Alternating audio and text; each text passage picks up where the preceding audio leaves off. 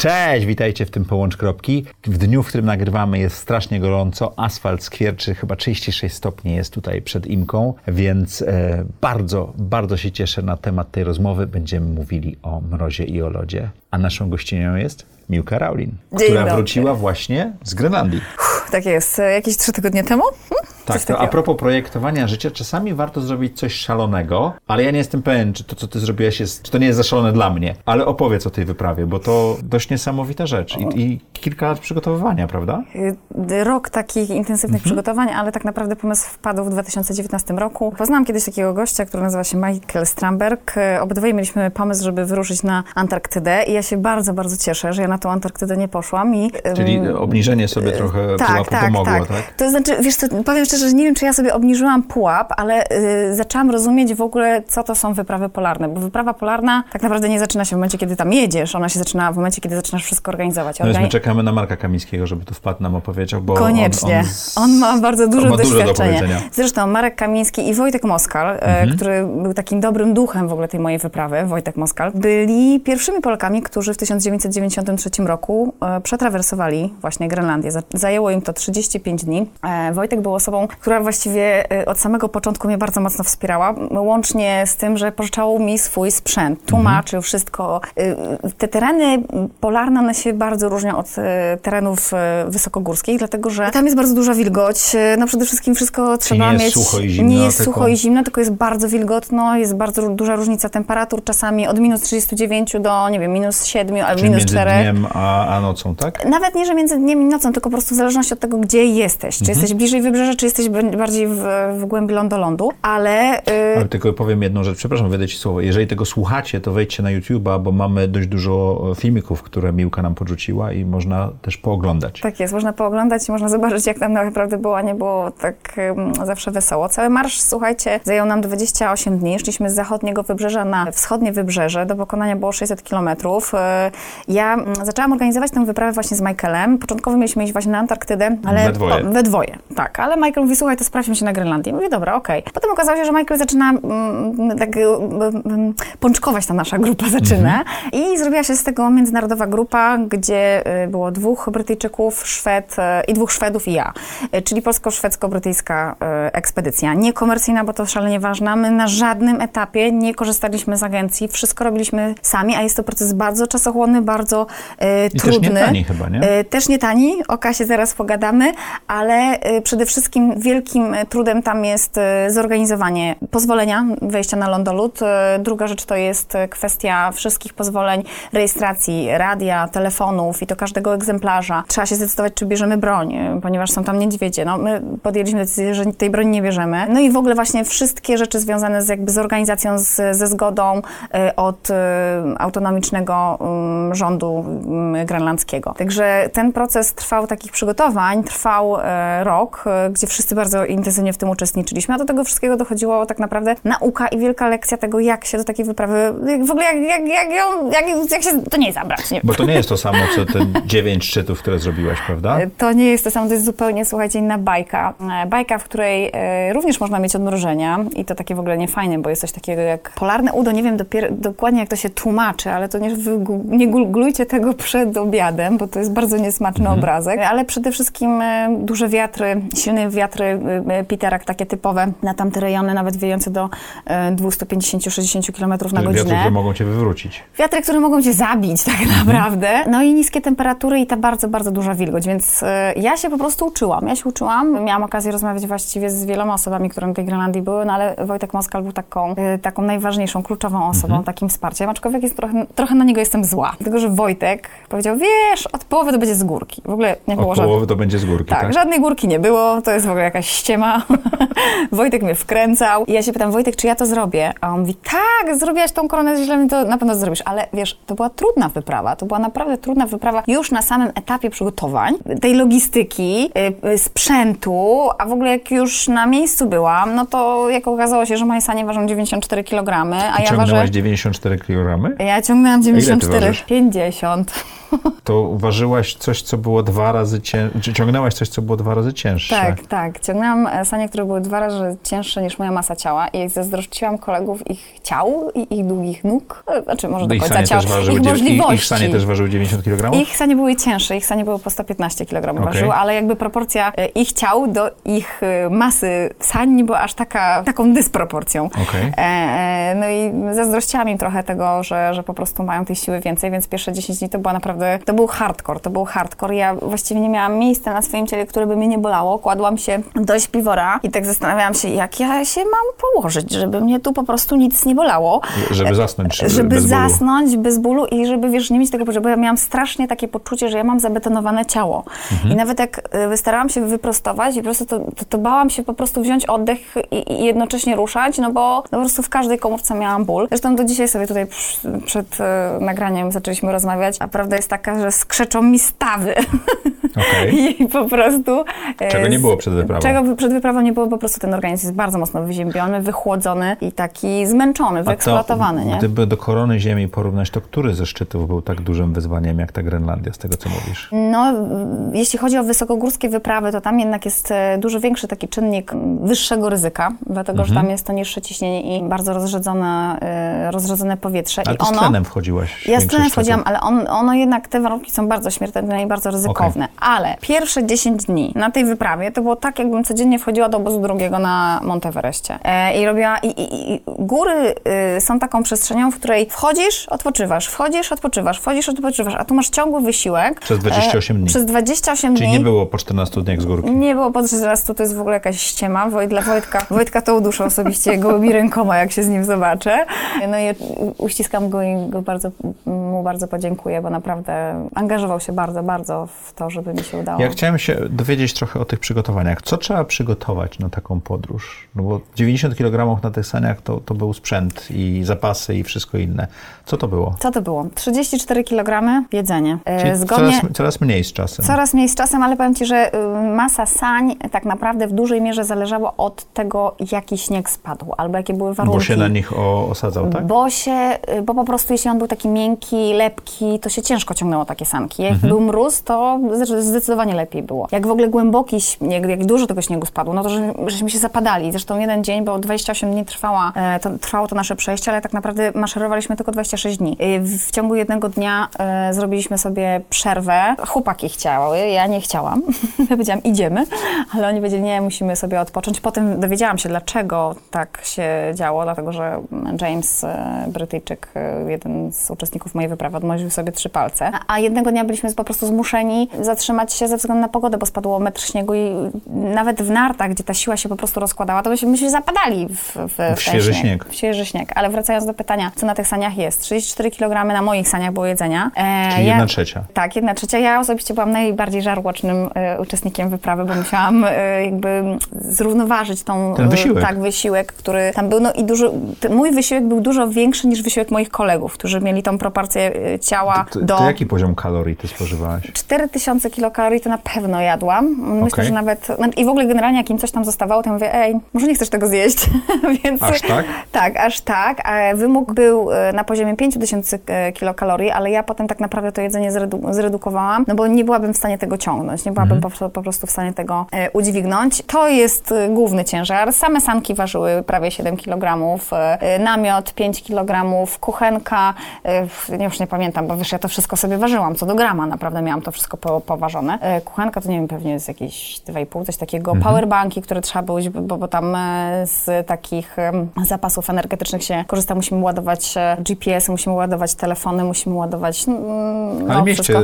y, solary, tak? Tak, ja nie miałam, e, ale chłopaki miały i sobie tutaj się też Można trochę... było się podładować. Tak. Swoich baterii raczej nie można było, szkoda trochę. To co było największym wyzwaniem dla ciebie? Te pierwsze 10 dni, pierwsze 10 dni, żeby zmagać się po prostu z tą masą, którą ciągnęłam i z bólem, bo tak naprawdę A potem organizm się przestawia? potem organizm jakoś tak, wiesz, on adaptuje się do wszystkiego. Ja potem Mhm. zorientowałam się, że nawet przy minus 14 ja ściągam rękawiczki, normalnie sobie mm, robię różne operacje. Chyba jeszcze takim trudnym momentem było, o tak, to jeszcze był taki trudny moment, kiedy szliśmy jednego dnia w burzy śnieżnej. To była naprawdę burza śnieżna. Będziecie pokazywać te materiały, to widzowie zrozumieją, co to znaczy burza śnieżna.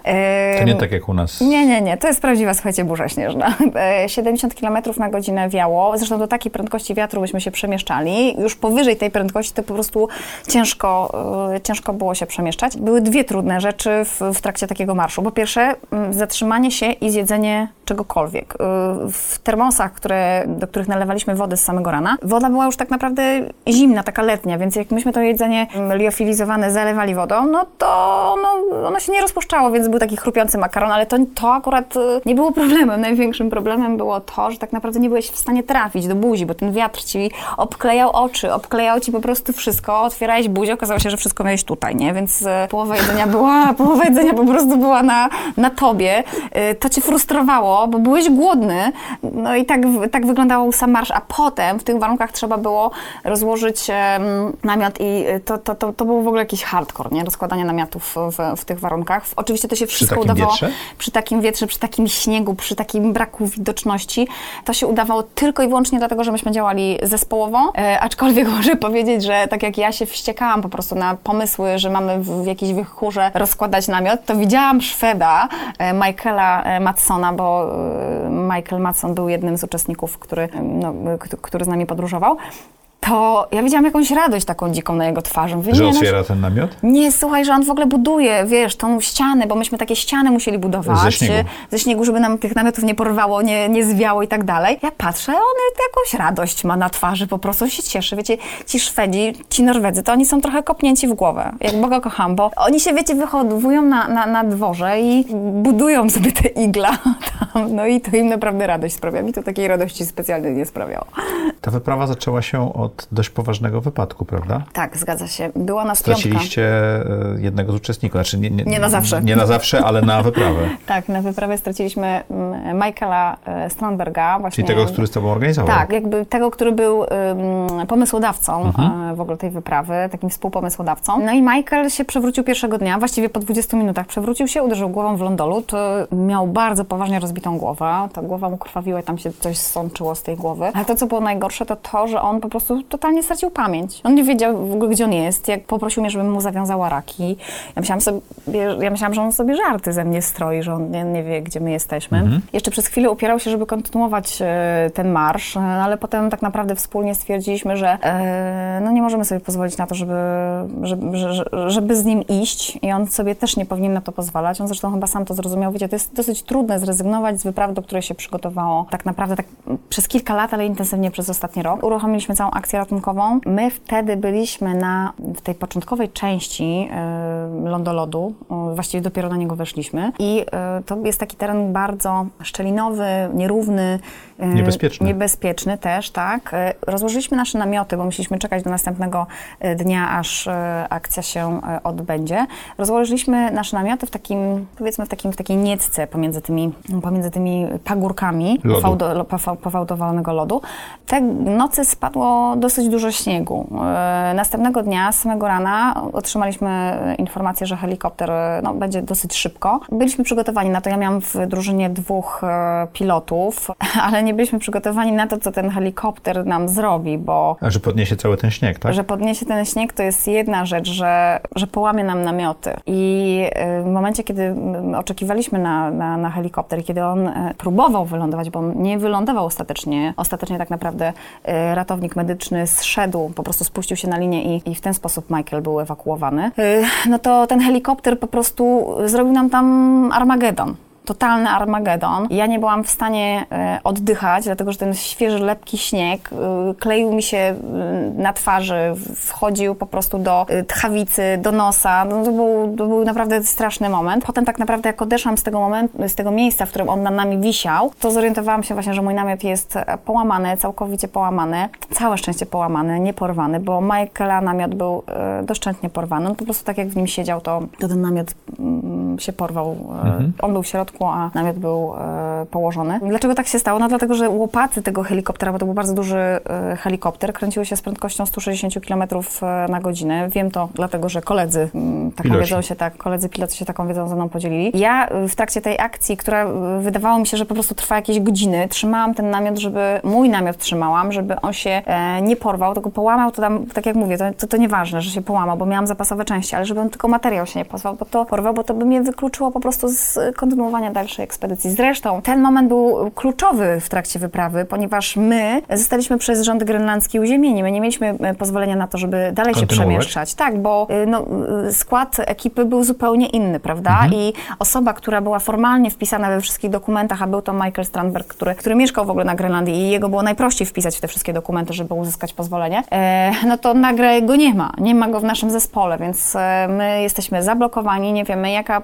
zostanie podjęta decyzja, ale ostatecznie udaje się e, od rządu grenlandzkiego kolejnego dnia, dnia dostać pozwolenie i możemy się przemieszczać w pomniejszonym składzie. Czemu zdecydowaliście się kontynuować po takim wypadku poważnym? Każdy z nas przygotowywał się do tej wyprawy ponad rok. To są bardzo kosztowne wyprawy. Ja mam zobowiązania sponsorskie tak samo. E, a wiedzieliśmy o tym, że e, jesteśmy samowystarczalni. Każdy z nas był samowystarczalny. E, byliśmy w zespole czteroosobowym, z czego ja spałam mm, i byłam sama, totalnie niezależna w swoim namiocie i tak dalej. Michael Matson e, był też sam w swoim namiocie i James i Peter, który Brytyjczycy e, dzielili wspólny namiot. Mieliśmy cztery kuchenki, byliśmy, byliśmy w stanie po prostu kontynuować tą wyprawę bez, e, bez Michaela. Czego nauczyła cię ta wyprawa? Ja wiem, że to świeżo, ale E, Że, że, że tereny polarne nie są proste i dlatego, i dlatego do tej pory przez blisko 30 lat przede mną zrobiło to tylko 10 osób z Polski. Z czego mówisz o trawersowaniu Grenlandii, tak? Tak, dokonało tego tylko 10 osób e, z Polski, z czego e, mam zaszczyt być trzecią kobietą, trzecią Polką, ale jedyną Polką mieszkającą w Polsce. Dwie panie, które e, to zrobiły. W 2019 roku zrobiła to Ewa Żewuska, z którą zresztą byłam w stałym kontakcie. Zrobiły to z agencją, z, z przewodnikami. My byliśmy totalnie niezależni zrobiliśmy to bez agencji. To jest też dosyć duża filozofia, jeśli chodzi o logistykę i organizację. No ale do tej pory zrobiły to tylko trzy Polki. Ewa Żywuska, e, Monika Amor-Wilks i ja. Także jestem dumna. E, A czego mnie nauczyła ta wyprawa? No, że nie ma rzeczy, y, za które nie mogłabym się zabrać. Nawet jeśli się na czymś nie dam, po prostu muszę, nie znam się na czymś, to muszę się do tego e, po prostu dobrze przygotować i poświęcić odpowiednią ilość czasu. Ale to ze wszystkim chyba tak jest, prawda? Mi- Miłka, przepraszam, ale ja zadam to pytanie. Ono jest dla mnie yy, oczywiste i, i może być szalone dla ciebie, ale po co ty robisz takie rzeczy, że wchodzisz na dziewięć największych szczytów Ziemi, na koronę Ziemi, a potem przez miesiąc przechodzisz przez, Przez Grenlandię, miesiąc, tak, przygotowując się rok czasu i wiesz, siedząc w tym samym kombinezonie przez miesiąc i tak dalej. Po, Po co? co? No właśnie, po co? Szanowni Państwo, to jest pytanie bez odpowiedzi. E, To jest pytanie bez odpowiedzi? Nie, nie, ona chyba ma odpowiedź. Ona jest y, taka, wydaje mi się, prosta i oczywista. No wiesz, no po prostu są ludzie, którzy mają potrzeby wyzwań, nie? Ja mam potrzebę takich, y, takiego wyrypu, wysiłku, y, ale wyzwania w ogóle. Nawet jeśli nie byłaby to Grenlandia, to mnie często tak, wiesz, podpala. Łatwo mnie podpalić. Teraz, słuchajcie, zdradzam sekret, jak ktoś mówi, tego się nie da zrobić. Ja mówię, podtrzymaj mi torebkę i patrz. No więc y, trochę, trochę tak jest, że mam potrzebę takiej fiz- fizycznego wysiłku, e, wyzwania, ale tutaj wiesz, to wyzwanie to nie jest tylko to fizycz- fizyczne wyzwanie i, te, i to przejście, tylko to jest cały proces, czyli właśnie przygotowanie, nauczanie się czegoś nowego, bo to jest tak naprawdę bardzo dużo, bardzo duża lekcja, nie? Ja się cały czas po prostu uczę. Czego? Czego się uczę? Tego, jak zmierzyć się z czymś, na czym się totalnie nie Okej. znam. A co jest twoim basecampem takim życiowym? Gdzie ładujesz swoje akumulatory? M- mój ukochany i moja rodzina. Naprawdę, Mhm. to, jest, to jest moja kotwica, ale taka zdrowa kotwica e, i bardzo się cieszę, że, no, że ich mam, że, y, że tak nie mogę totalnie polecieć w kosmos. Jak radzisz sobie z porażkami? Nie, no porażki to w ogóle jest super sprawa. To jest O, ekstra. o, o to, to rozwiń to.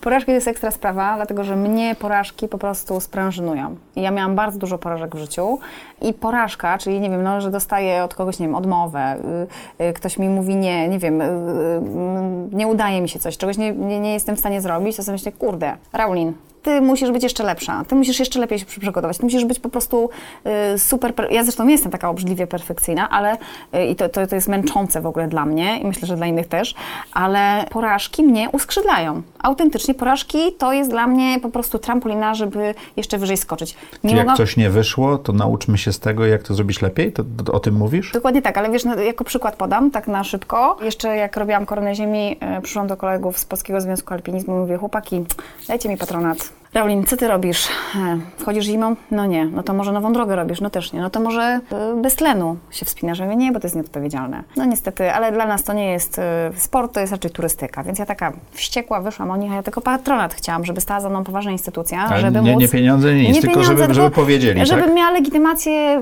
y, dla moich y, sponsorów, że słuchajcie, Polski Związek Alpinizmu tutaj mnie wspiera i w ogóle. No więc nawet się do klubu zapisałam. Y, więc sytuacja była taka, że jak dostałam odmowę z Polskiego Bo Związku... to turystyka, dziewięć najwyższych Tak, szczytów to- na ziemi to turystyka. To turystyka. Dla nich to może być turystyka i to by był jakiś argument, ale to mnie, słuchajcie, tak uskrzydliło, ja sobie myślę, kurczę, to jak oni myślą, że to jest turystyka, ja tak nie uważam, to ja pójdę do Ministra Sportu i Turystyki. I poszłam do ministerstwa, No bo napisałam turystyka. pismo. Tak. Ministerstwo Sportu i Turystyki, więc to było idealne, słuchajcie, miejsce. E, Dostałam się tam totalnie z ulicy, e, nie znając, Nie znając nikogo, nikogo? nikogo nie znając. e, Napisałam piękne pismo, dzwoni do mnie w, w pewien piękny poniedziałek o 8.30 rano pani Wioleta, wówczas Wioleta Początek i mówi pani Miłko, zapraszam panią na spotkanie do pana ministra. A ja na Open Space pracowałam jeszcze wtedy i wstałam z tego i mówię, pani Wioletta, to jest najlepszy początek tygodnia, jaki mogłam sobie wyobrazić. No więc e, wszyscy się na mnie patrzyli jak, jak na wariatkę, ale to właśnie, że dostałam tą odmowę, uskrzydliło mnie i powiedziało mi, Miłka, jesteś w stanie sięgnąć Czyli wyżej. napisałaś takie pismo, czy takiego maila, który był do przeczytania, tak? To przez to, że... Ale wiesz, ja mam też głęboką wiarę w to w ogóle, we wszystko, co ja robię. We wszystko mam wiarę. Po prostu jeśli ja czegoś chcę, to choćby przysłowiowe skały, srały, stanie się. Porażki są po to, żeby się odbić jeszcze wyżej. W audycji Zaprojektuj swoje życie mieliśmy odcinek z Tobą i mówiłaś o sponsorach i tak dalej. Czy teraz jest Ci łatwiej zbierać pieniądze na takie wy- wyprawy jak Grenlandia, przez to, że miałaś koronę ziemi i też to zaczęłaś robić swój festiwal, czy y, swoją wyprawę rowerową? Czy jest Ci łatwiej Tak, pozyskiwać tak. sponsorów? Zdecydowanie łatwiej i e, przede wszystkim też nauczyłam się tego robić po prostu tak porządnie i dobrze. Mam świadomość tego, co jest istotne dla moich partnerów. E, Zawsze e, w tle takich wypraw muszą być media, one są bardzo, bardzo ważne. Bardzo Ci dziękuję, że tutaj nic nie muszę e, chować i blurować. Niektóre media to robią, a to jest dla moich partnerów szalenie istotne, bo ja takie wyprawy, które są koszmarnie kosztowne, e, mogę... Tak, Kuba teraz poturlał, słuchajcie, nie widzicie Państwo tego, ale przed chwilą poturlała się taśma i to jest taki znak, że jak coś, to zaklejemy jej nie tylko buzię, ale i też y, koszulkę, ale y, to oczywiście żartem. Tutaj cieszę się, że, że są przestrzenie, w których można mówić o tym tak otwarcie, bo prawda jest taka, że wielkie wyprawy i wielkie wyczyny nie realizują się, słuchajcie, za Wielkie wyprawy, wielkie wyczyny to są też wielkie pieniądze. wielkie pieniądze. Ile kosztowała Cię wyprawa na Grenlandię? E, W jeszcze sumie? w sumie, jeszcze tak naprawdę liczę to, dlatego że na Ale przykład rząd wiele, wielkości. Myślę, że to przekroczy 120 tysięcy złotych, e, dlatego że mieliśmy jechać, e, płynąć łódką, okazało się, że e, ocean jest zamarznięty, nie można pod nas podpłynąć, więc trzeba było wziąć helikopter, musieliśmy dodatkowo e, cargo zamówić na e, wysyłkę tego sprzętu. No, e, szereg rzeczy, które niestety miałam, jest w tej chwili zniszczonych, więc będę Trzeba ja musiała... wymienić sprzęt. w, w, z- albo minimum zreperować, żeby, Mhm. e, żeby po prostu można było tego używać po raz kolejny. Także to są bardzo duże koszty, bardzo duże koszty i gdyby nie moi partnerzy, znaczy tak, ja też jestem sama partnerką swoich wypraw, ale to jest jakiś tam mały procent, a w większości są to firmy, które mm, po prostu, które rozumieją moje szaleństwa, za co jestem im bardzo, bardzo wdzięczna. Czy polecasz robienie sobie takich wyzwań? Niekoniecznie tak, tak trudnych fizycznie, e, finansowo i psychicznie jak Grenlandia, ale takich wyzwań, które są totalnie poza strefą komfortu. Polecam, Bo? Mm, bo my mamy wtedy lekcje i też y, przesuwamy y, nie tylko ten taki fizyczny nasz próg bólu, ale psychiczny próg bólu. Wiesz co, ostatnio byłam na siłowni, no i tam na tej siłowni sobie podnoszę te ciężary, mam takie mięśnie tutaj duże, nie? I sobie myślę, siłownia może i wzmacnia ciało, wzmacnia mięśnie, ale na pewno tego typu wyprawy wzmacniają psychikę. To nie musi być koniecznie Grenlandia. To może być jakiś, e, wiecie, wyczyn na miarę naszych możliwości i powinien być wyczyn na naszych możliwości, ale tak, żeby sobie tą poprzeczkę trochę wyżej e, postawić, dlatego, że my jesteśmy zmuszeni po prostu do myślenia. E, nie tylko do myślenia takiego, jak rozwiązać pewne sytuacje, ale też do takiego myślenia e, nie histeryzowania, nie panikowania, e, szukania takiej swojej wewnętrznej siły. To jest dobre. Jak ktoś potrafi tego typu rzeczy osiągać, nie wiem, czytając książki, to jest dla mnie mistrzem świata. Ja, no niestety, muszę się gdzieś wybić, da, wybyć dalej, żeby, e, żeby takie coś przeżywać. ból i cierpienie, tak? Tak jest. Okej. Bez tego życie jest bez sensu. Ja mam jedno pytanie. Przez te 28 dni na lodowcu no, nie ma łazienki, nie ma kabiny prysznicowej. Jak sama mówiłaś, e, gotowanie e, może być wyzwaniem, czy w ogóle jedzenie może być wyzwaniem, a musisz zjeść 4000 kalorii co najmniej, albo i więcej.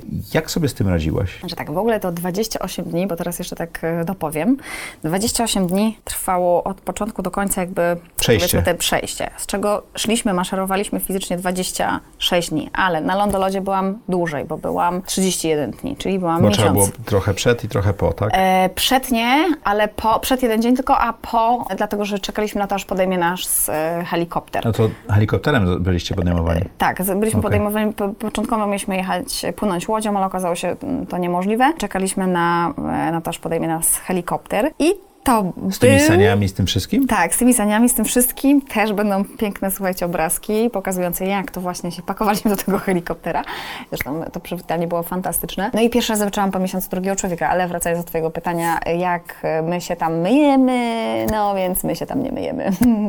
Prawda jest taka, że chyba pobiłam swój rekord, znaczy nie chyba, na pewno pobiłam swój rekord w niemyciu się, ale uwaga, jakby staramy się utrzymywać em, higienę, bo używamy chusteczek e, takich nawilżanych oczywiście, ale ja wym- wymyśliłam bardzo dobrą rzecz, osobiście uważam. Ale chusteczki nawilżane zamarzają w tych Tak, ale je się wkłada wtedy pod pachę albo pomiędzy, Żeby się rozmroziły. żeby się rozmroziły, albo kładzie się je na przykład na kuchence paliwowej, żeby one Są takie odkajały. rzeczy, o których w ogóle nie myślimy, E, tak? tak, tak, ale to tak się robi. Ale słuchajcie, ja w tym roku i w ogóle na tej wyprawie odkryłam coś niesamowitego, ponieważ ja miałam dwa termosy. Te termosy miały kubki. Jeden kubek był do e, picia, a drugi kubek był do mycia, więc yy, obandażowałam sobie rękę, tą rękę mm, moczyłam sobie w tym kubku i po prostu się myłam. I tak wyglądało moje mycie, mój prysznic, ale powiem szczerze, że po tygodniu jak tak szłam, tak mówię, "Czy Jezu, mam wrażenie, że jadę jakimś autobusem, w którym stoi kobieta, która ewidentnie się nie umyła i to byłam ja. To byłam ja, to byłam tą niemyjącą się kobietą i naprawdę po tygodniu czuję się, że się po prostu brzydko pachnie, e, a potem tak naprawdę ten Przestajesz się mróz... tym przejmować chyba? Te, wiesz, ta wilgoć, ten mróz i tak dalej, to wszystko po prostu gdzieś tam też ci powolnienie Mhm. e, obniża i nie masz, nie jesteś taki wrażliwy na to. E, miałam jeden komplet bielizny takiej termoaktywnej do spania, jeden miałam do chodzenia, no i po prostu musiałam ją mądrze eksploatować. Nie ma tam opcji, żeby się umyć, aczkolwiek... Pralki nie ma. Nie ma pralki, aczkolwiek ja miałam taki pomysł, żeby zagotować wodę i, i, i wziąć prysznic, bo miałam odpowiednią ilość e, paliwa, ale tam nie ma czasu w ogóle na to. Mhm. Tam cały czas coś się dzieje, tam proces przygotowania w ogóle. e, Rozumiem, że higiena osobista taka y, podstawowa jest ważna, ale pozostała przestaje być priorytetem, prawda? Pozostała? Co pozostała? Znaczy, wiesz, żeby... to, wiesz, tak, y, prysznic przestał być priorytetem dla ciebie, tak? I nawet więcej ci powiem. W ogóle jak wzięłam prysznic, to ja byłam rozczarowana. W hotelu już Tak, później, tak? i mówię, A czym kurde. byłaś rozczarowana? Ja byłam rozczarowana, ja myślałam, że to jest coś fajniejszego. Ja myślałam, kurczę, nie no to ja tu miesiąc czekam na to, żeby się umyć i to w ogóle nie robi mi jakiejś frajdy wielkiej, no bez sensu w ogóle, nie? No tak, to, to tak to wyglądało. Czasami czekamy na taką jedną rzecz, a potem albo się okazuje wartościowa, albo nie. Dokładnie. Na tych saniach miałaś bardzo dużo jedzenia i sprzętu, ale jak dbaliście o własne bezpieczeństwo? Jaki sprzęt mieliście do komunikacji, do zabezpieczenia, do wiesz, opatrzenia ran i tak dalej? No więc tak, na lodowcu mieliśmy sprzęt taki typowo wysokogórski, czyli Mhm. liny i e, śruby lodowe i, i sprzęt do wyciągania siebie nawzajem z, ze, Ze szczeliny, szczelin. jeśli ktoś by A wpadł. ktoś wpadł? E, Wpadliśmy, właściwie każdy z nas wpadł, e, ale wpadaliśmy e, tak do pasa. W Mhm. sensie, że, że to było jeszcze takie, że mogliśmy sobie nawzajem podać rękę albo rzucić linię i, i to było ok. Jeśli chodzi o takie rzeczy związane z tym, co było w naszych apteczkach, każdy z nas miał swoją taką indywidualną, Mhm. personalną apteczkę, ale mieliśmy też wspólną apteczkę, w której były, no, tak jak e, przy pierwszej pomocy, takie podstawowe e, rzeczy. Nie mieliśmy w tej apteczce, co mnie bardzo e, zdziwiło, że nie mieliśmy w tej apteczce leków na odmrożenie. Ja chyba bym dzisiaj wzięła leki na odmrożenia, wiedząc, że James się odmroził, ale tak naprawdę przed tymi odmrożeniami trzeba się po prostu jak w najlepszym stopniu chronić. Zabezpieczyć. Tak. Najgorszą rzeczą na wyprawie jest, ja nie wiem jak to przetłumaczyć na polski, ale to się nazywa polar tie. I, i to są takie odmrożenia, jednocześnie z przetarciami, które pojawiają się na udach. e, Albo ten na, kombinezon e, Ociera, trze. tak. I to jest bardzo, bardzo, bardzo niefajne. To są takie bardzo ropiejące, głębokie rany.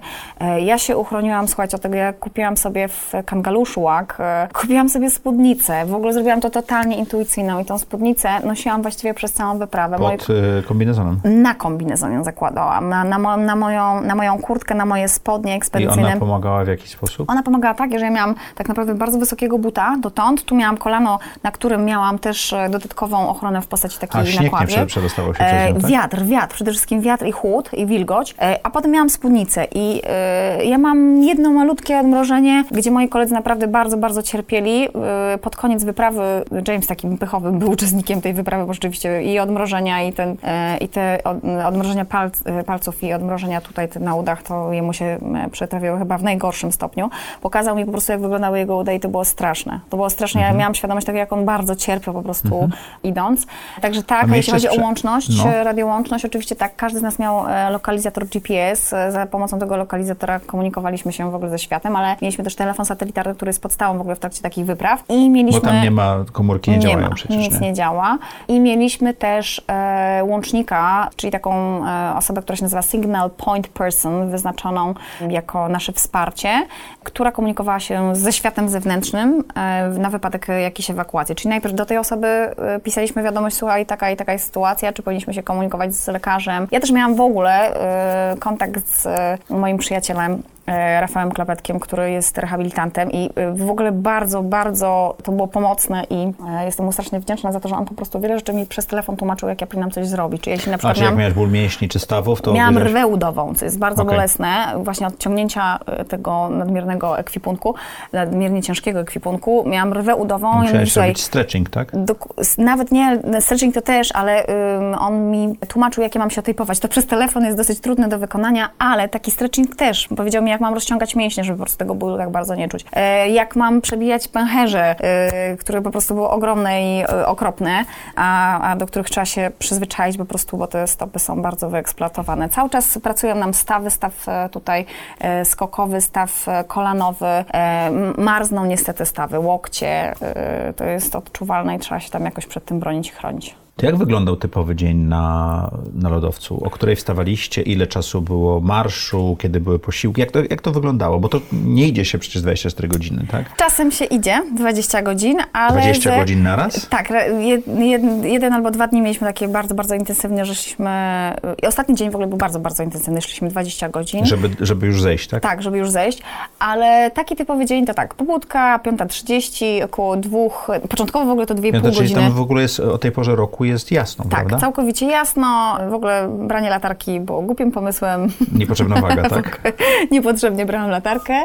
E, W każdym razie wstaje się rano i zaczyna, znaczy tak, dzień, słuchajcie, zaczyna się od dwójki. Okej. E, I to jest bardzo ważny moment, dlatego że... Bo jest tym, zimno. Bo, to jest, bo jest zimno to jest jedna rzecz, ale to jedzenie liofilizowane, ono po prostu tak przyspiesza perystaltykę jelit, że to jest pierwsza rzecz, otwierasz oczy, po prostu musisz wyjść z łopatą i zmierzyć się z tym wielkim wyczynem. To jest dopiero wyczyn, Mhm. więc y, y, wszyscy musieliśmy to przejść.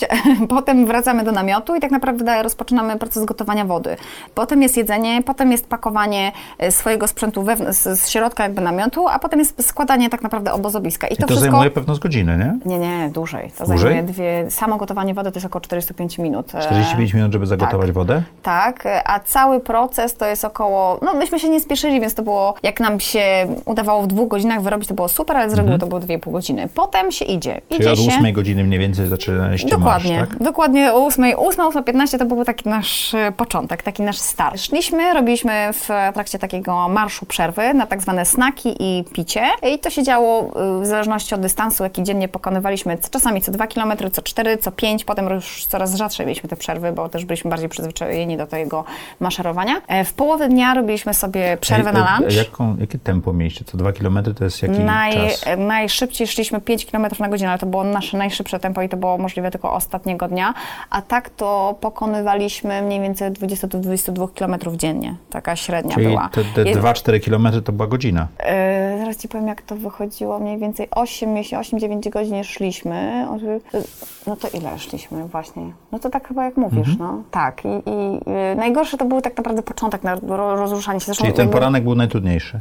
Poranek był, nie, A- nie, a- mówię o już przejściu, jak szliśmy, a potem wieczorem ta procedura się jakby powtarzała. Czyli kończyliście 16, 18? bardziej 18. 18, e, czyli, 17, czyli, 10, 18. czyli 10 godzin szliście 10 od 8 godzin, do... ale wiesz, Tam, oczywiście z przerwami, z tak? przerwami, tak, te przerwy się sumowały i też nie spieszyliśmy się, czyli jeśli chcieliśmy zjeść, jeśli chcieliśmy sobie gdzieś tam odpocząć, to też to robiliśmy, chociaż potem już staraliśmy się ten czas tak zagęszczać. Poza tym w grupie czteroosobowej, prawda jest taka, że grupa czteroosobowa, ona spowalnia to tempo, bo to trochę wygląda tak, jeden chce założyć o rękawiczniki, drugi chce siku, trzeci e, musi wysmarkać nos, czwarty musi się posmarować i po prostu to wszystko składa się na to, że to trwało e, 10 godzin, nie? To tak Czyli jak w 18 wycieczce szkolnej, wycieczce szkolnej. po 18 prostu. jak rozbijaliście obóz, to też był długi proces, prawda? Tak, to jakby mówiłeś, ten, że trzeba było zasłony robić śnieżne dokładnie, i tego trzeba rzeczy. było wybudować ścianę, trzeba było... Za, za e, każdy, każdej nocy? Nie każdej nocy sprawdzaliśmy pogodę, zobaczyliśmy, jeśli wiatry nie były takie silne, to wiedzieliśmy o tym, że sobie możemy podarować budowanie Mhm. takiej ściany. Bo budowanie ścian to pewna godzina, tak? No,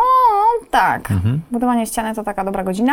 45 minut powiedzmy, no i potem znowu gotowanie wody, przygotowanie się, wie, umycie się i przygotowanie się y, do snu, jakieś telefony, komunikacja z rodziną.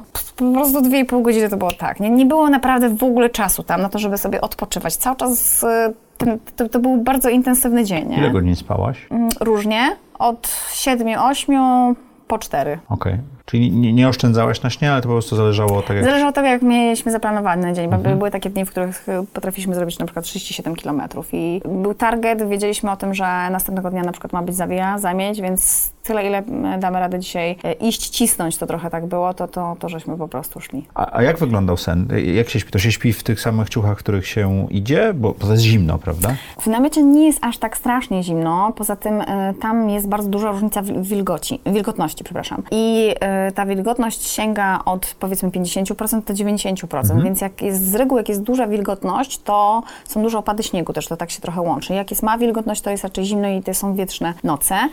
Y, w namiocie nie jest zimno, bo mi nie zamarzała w namiocie, chociaż w sumie nie wiem, bo miałam, zawsze wylewałam taki zbiornik y, z siusiu, y, go wylewałam, ale, mm, ale chyba by mi nie, chociaż nie wiem, w sumie nie wiem, wiecie, bo nie sprawdziłam tego, może nie powinna mówić. Na pewno mi, y, miałam rano chłodną wodę w termosie, więc może, kurczę, by zamarzło. W każdym razie, jak się śpi, śpi się w śpiworze, śpiwór nie jest też takim zwykłym śpiworem, bo on się składa taki z dwóch części. Jeden śpiwór to jest ten śpiwór e, wewnętrzny, puchowy, a zewnętrzny śpiwór jest e, śpiworem sztucznym. E, Codziennie rano budził mnie szron. On spadał mi prosto na twarz.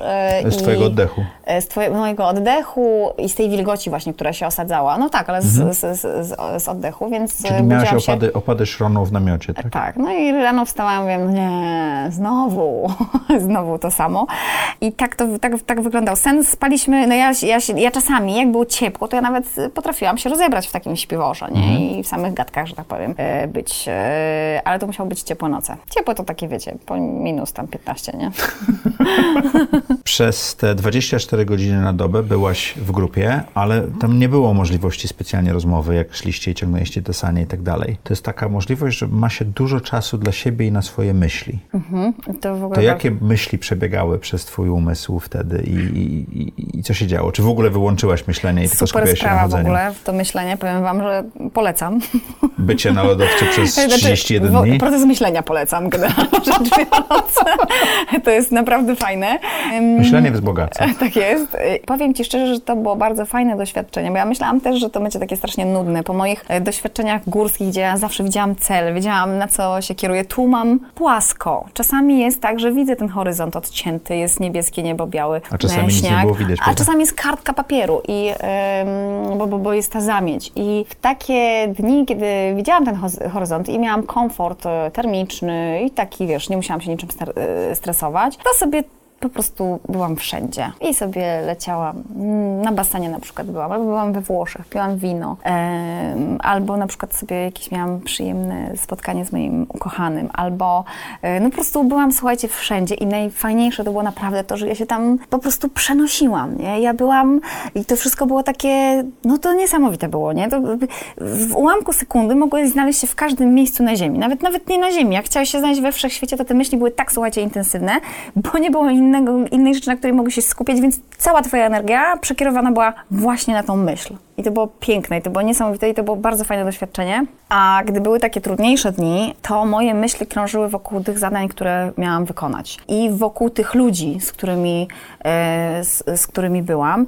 Więc e, to były takie, jakieś takie scenki, które się w mojej głowie pojawiały w nawiązaniu do trzeba zrobić to, teraz taka decyzja i, i, i to tak wyglądało. Ale to było bardzo fajne doświadczenie. Bardzo fajne doświadczenie. Móc po prostu być w każdym miejscu na ziemi, naprawdę. Mhm. A jakieś myśli, które ci zostały na dłużej i po tej wyprawie, czy też miejsca na ziemi, które ci zostały i wiesz, że musisz odwiedzić? Czy Wiesz- było coś, wiesz- Mhm. Rozumiem, że to jest zapełnianie sobie przestrzeni, jak myślisz, ale też czasami możemy coś stworzyć w takim momencie, kiedy mamy tyle miejsca dla siebie. Jezu, nie wiem dlaczego, ale ja tak, słuchaj, zaczęłam myśleć, tego muszę odwiedzić, z tym muszę pogadać. Po prostu Aha, nie wiem, jakąś taka- taką lis- listę, listę zaczęłam zadań, listę robić. zadań.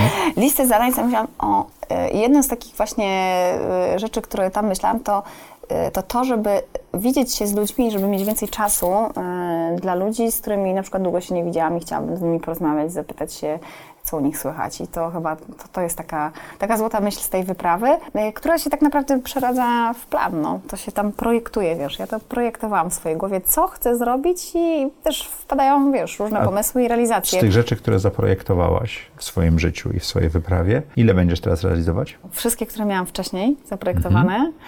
Ale pojawił się bardzo poważny pomysł, który wiem, że zrealizuję. Opowiesz nam? Teraz? Tak?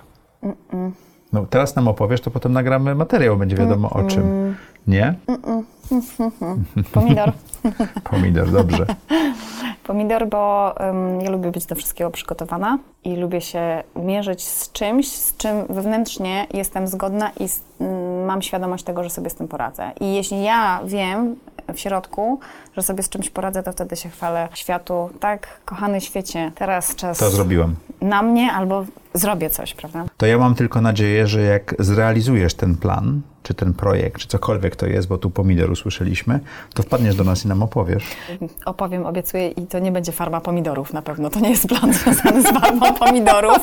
No ale już... były Włochy, tam coś opowiadałaś, więc zacząłem się zastanawiać. Tak, y, i kurczę, no nie no, muszę, słuchajcie, trzymać, bardzo bym chciała się z wami podzielić tym, ale obiecuję naprawdę popowiadać Ci Maćku i Wam, drodzy Państwo, o tym, y, z czym będę się mierzyła, bo to będzie gruby temat. No dobrze, to mam nadzieję, że jak ten temat się zrealizuje, to nagramy kolejny odcinek z super przebitkami z twojej, Twojego projektu, wyprawy. Nawet nie wiem, co to jest. Spróbuję w ofie się dowiedzieć. Dziękuję Ci ślicznie za tą rozmowę Ja również dziękuję. i dziękuję Wam i zapraszam do kolejnego Połącz Kropki.